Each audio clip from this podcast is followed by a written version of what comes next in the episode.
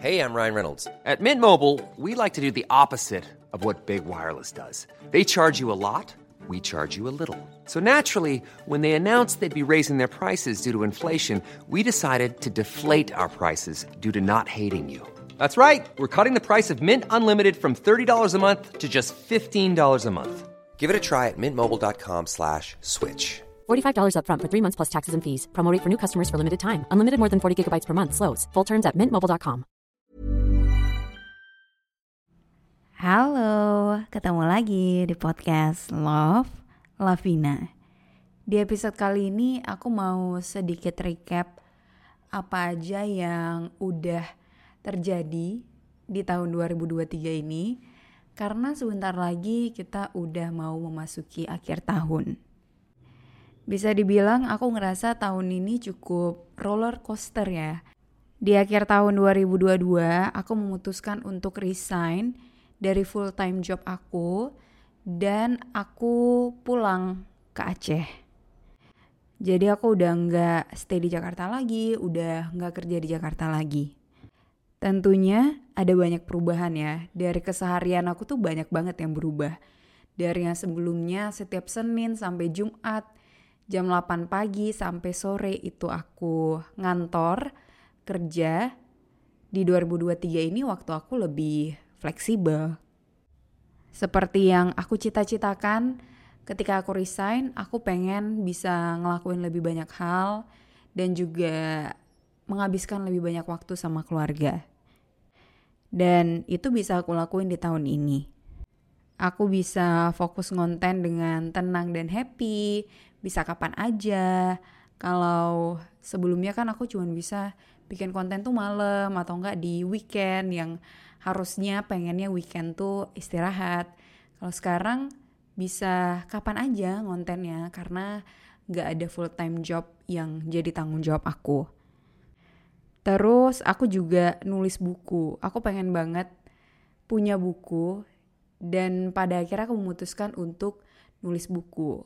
Karena sejak 2021 aku aktif di sosmed, aku aktif membagikan isi pikiran aku ternyata banyak yang tertarik dengan apa yang aku sampaikan. Jadi aku ngerasa kayaknya menarik nih kalau isi pikiran aku ini dirangkum jadi satu buku instead of just short videos yang bertebaran di Instagram, di TikTok dan juga episode-episode di Spotify, aku pengen ngerangkum semuanya itu menjadi satu buku gitu.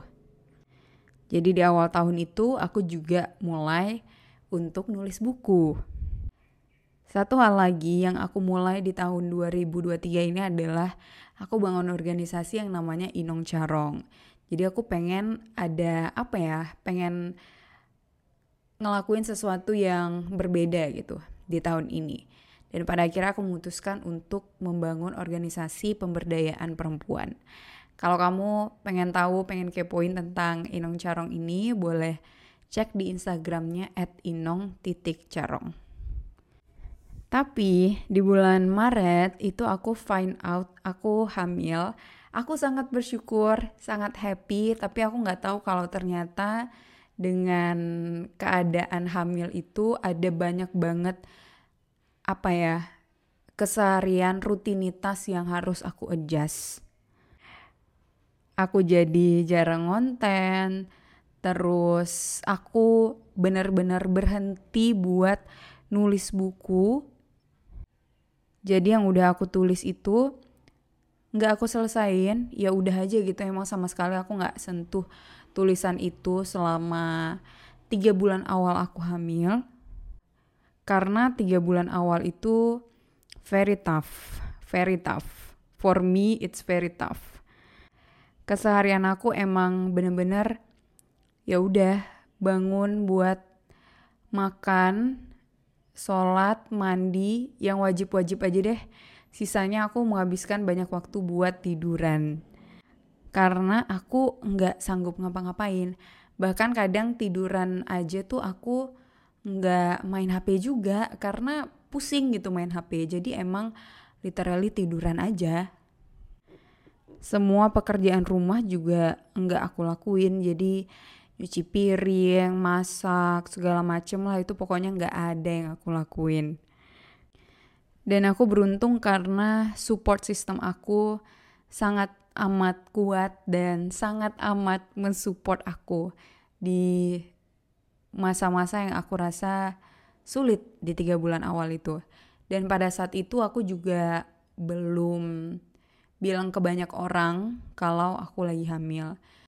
Jadi tiga bulan itu ya lumayan berat lah buat dijalanin akhirnya setelah trimester pertama itu berlalu aku udah nggak parah lagi mual muntahnya aku udah mulai ngerasa ada energi lagi aku mulai ngonten lagi mulai ngejalanin lagi si Inong Carong dan juga ngelanjutin nulis buku yang sempat tertunda itu. Akhirnya di bulan Agustus itu aku udah kelar nulisnya, aku udah selesai naskahnya.